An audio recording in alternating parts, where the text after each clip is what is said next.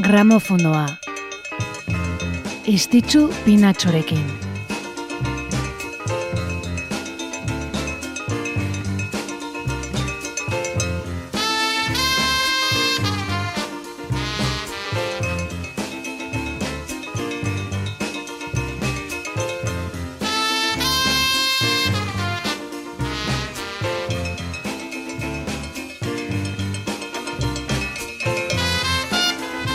Gabon, hemen gaude, pres gaude, bertzea aste azken bat gehiago, gramofonoari ekiteko.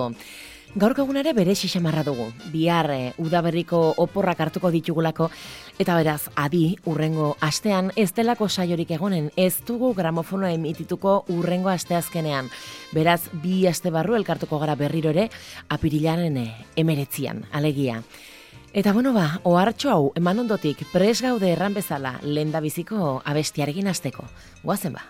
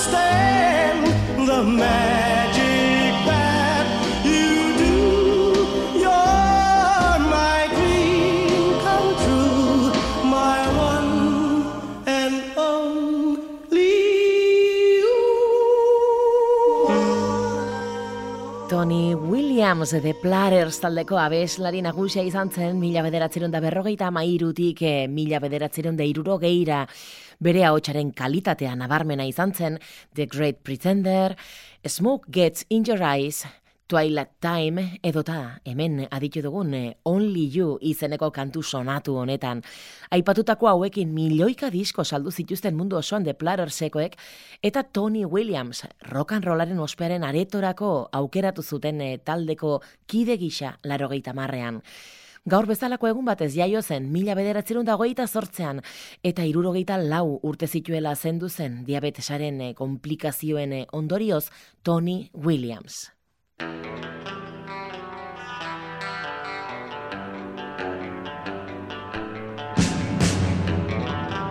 Eta zorionduko dugun urrengo artista honek ere badu bere lekua rock and rollaren ospearen aretoan. Larogeita pat urte bete ditu gaur The Hollies taldeko lider eta kantaria zen Alan Clark Britaniarrak. Honen izena da Long Cool Woman.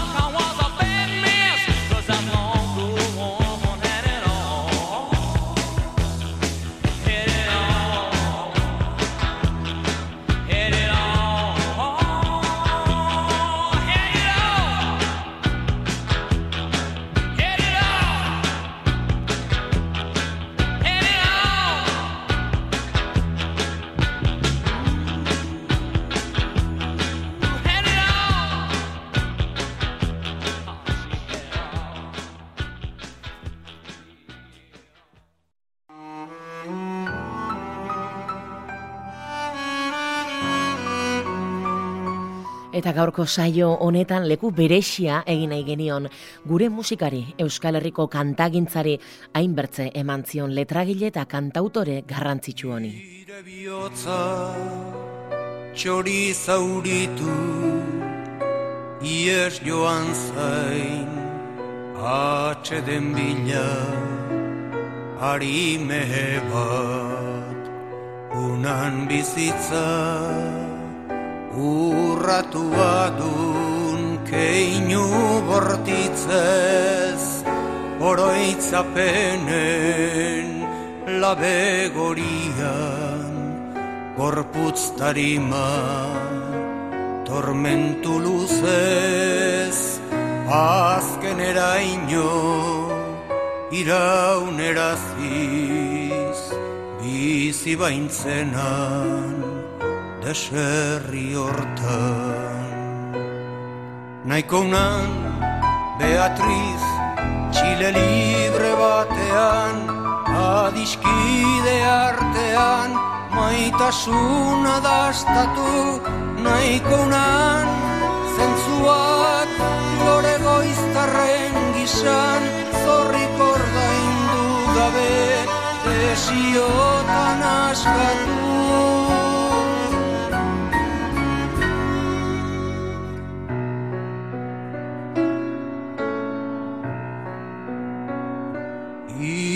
aitaren eriotzari Oi hartzungo semea, Xavier Lete, gazte hasi zen idazten, zeruko argian kolaboratzen laister, eta euskal kantagitza berriko partaiden nagusienetako bat izan zen, beranduago bere maztea izango zen lurdez idiondorekin eh, batera bertzeak bertze.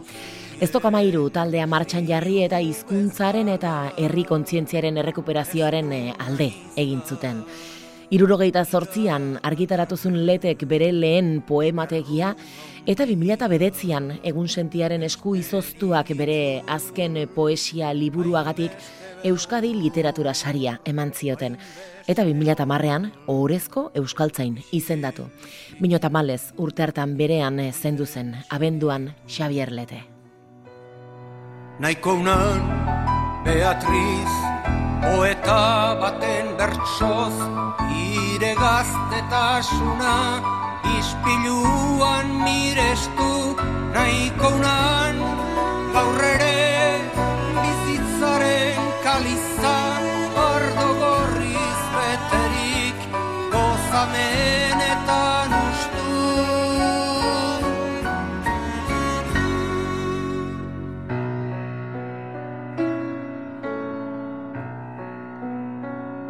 errugabea intzen handania bizti zorduna ez ditu nurru ire eskuen.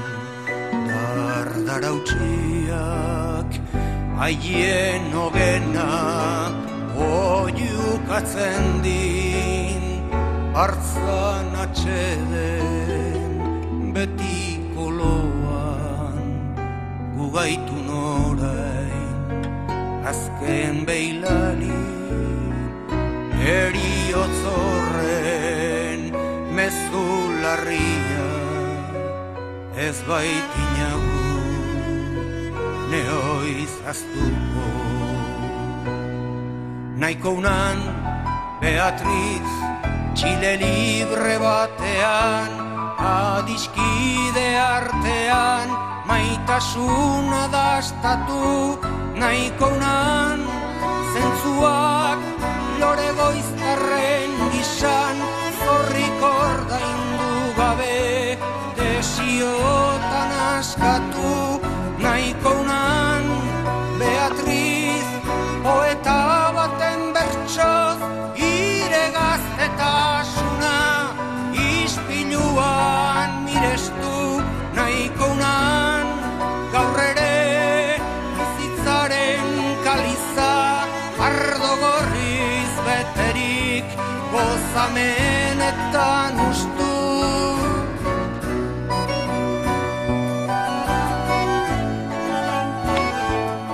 Leteren eh, abestigintzan bere olerkiek eta hitzek dute garrantzirik handiena. Naiz eta musika ere sarri berak eh, konposatua izan, hause bera, adibidez. Txileko presidente izan zen Salvador Allenderen alaba zen Beatriz Allende mediku eta politikariare irurogeita emezortzian Xavier Letek eskenitako lore bat, zauri bat abesti sentikorra.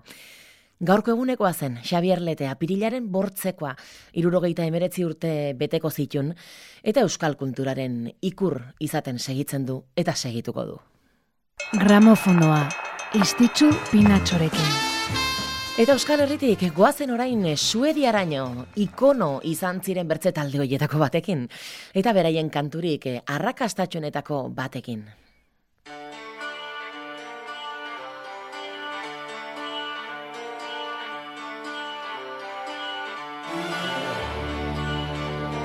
Agneta Faltzkogen eh, urtebetetze eguna da gaur, aba taldeko neska hile horiarena, irurogeita mairo.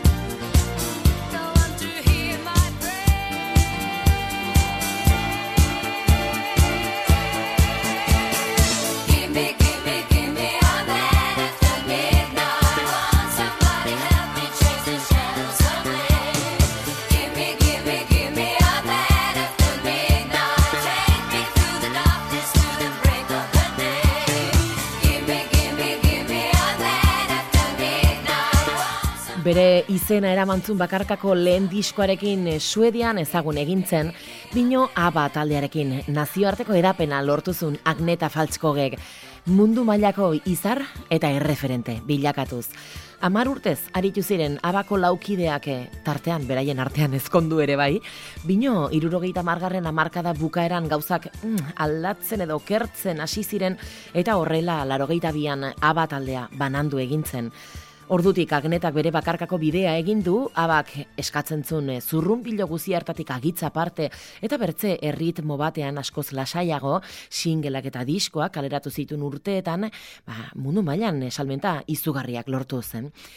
Eta musikari haundiak zoriontzen jarraituko dugu gaurko egunekoa delako bertze hause ere.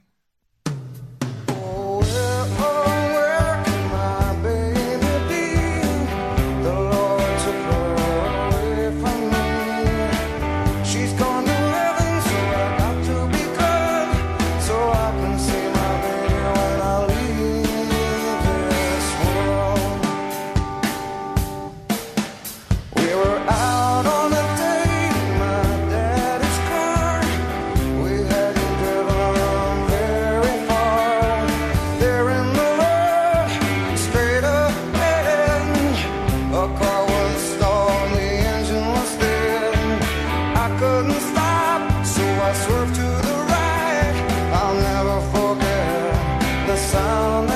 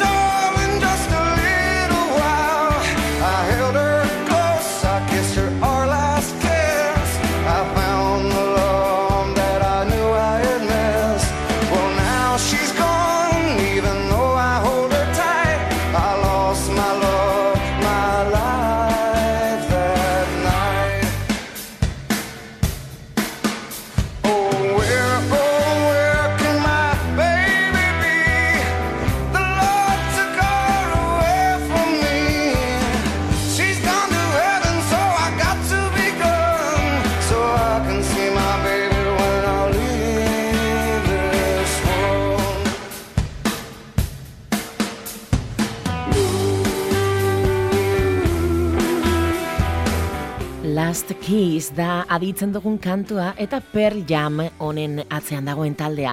Mike McCready zoriontzeko aukeratu duguna. Mike McCready Pearl Jam taldearen sortzaile eta bertako gitarrista nagusia dena. Grunge mugimenduaren estenan banda haundi eta esanguratsuenetako bat eh, Pearl Jam naiz eta beti nabarmendu diren ba, euren eh, ukitu melodikoarengatik. Larogeita margarren amarkadako talderik garrantzitsuenetako bat, eh? salmentei erreparatzen badiegu bakarrik, irurogeita amar milioi kopia bino gehiago saldu dituztenak, eh? Pearl Jam.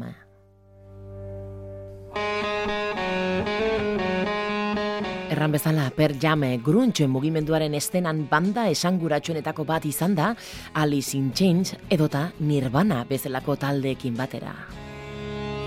We passed upon the stair. spoken walls and when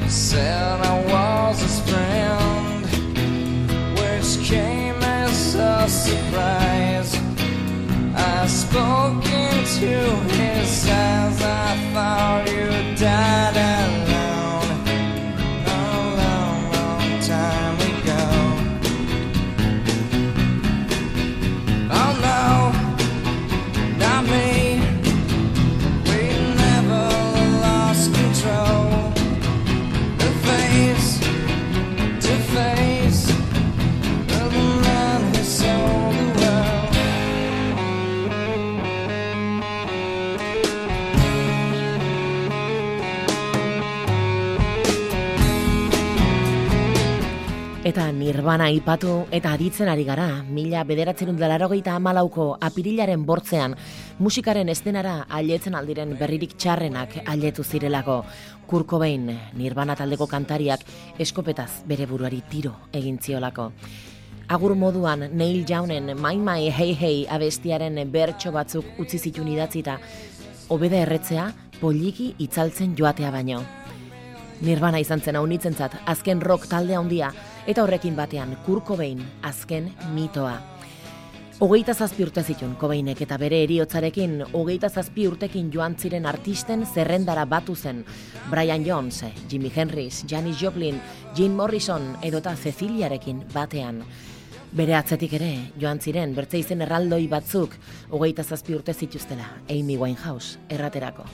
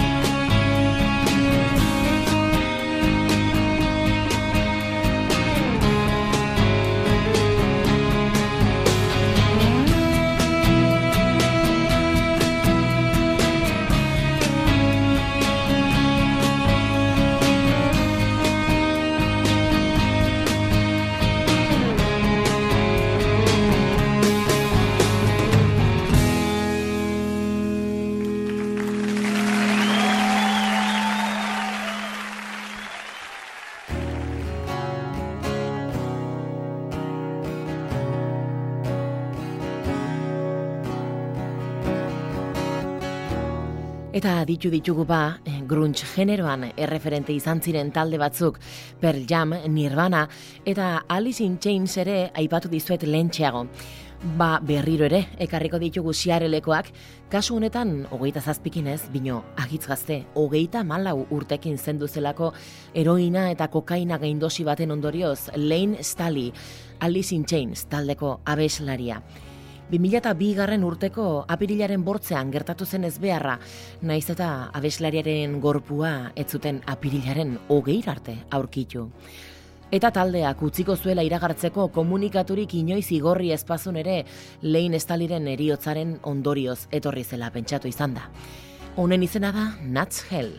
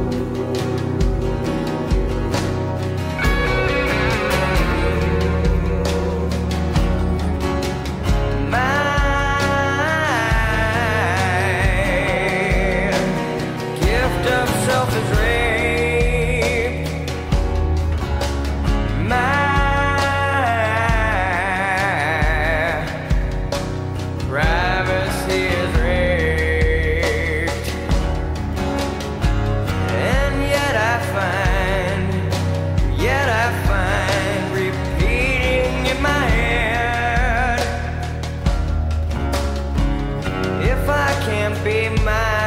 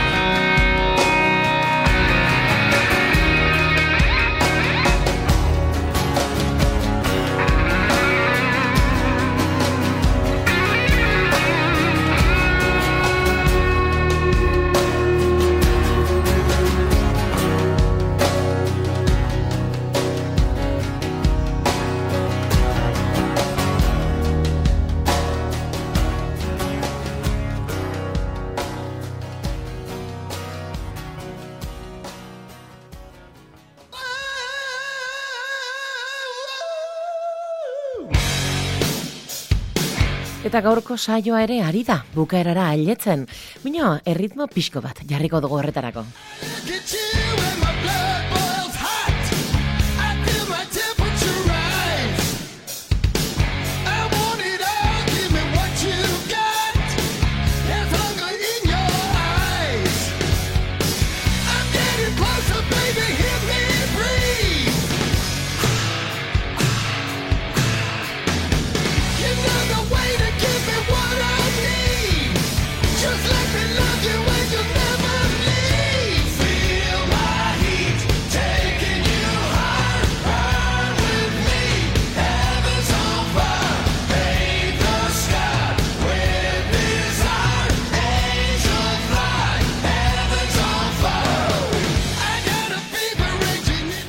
jarri dugu bai, naiz eta bertze eriotza bat gogoratzeko eginen dugun. Mark St. John, Kiss taldean gitarjole lanetan aritu zena. Animalize izeneko album bakar bat grabatu zuen eurekin taldearen amabigarrena izan zena, eta bertako lehen singela izan zena da aditzen ari garen hause, Heavens on Fire, Mark St. John gogoratzeko. Berrogeita meka urtekin zendu zen, eh? buruko isuri baten ondorioz. Eta nire partetik, hause izan da dena, gogoratu urrengo astean deskantsua hartuko dugula. Mino emeretzian, apirilaren emeretzian, hemen izanen gara, eh? berriro ere, kanturik onenekin zuen esperoan. Amets goxuak izan ditzazuela, Gabon.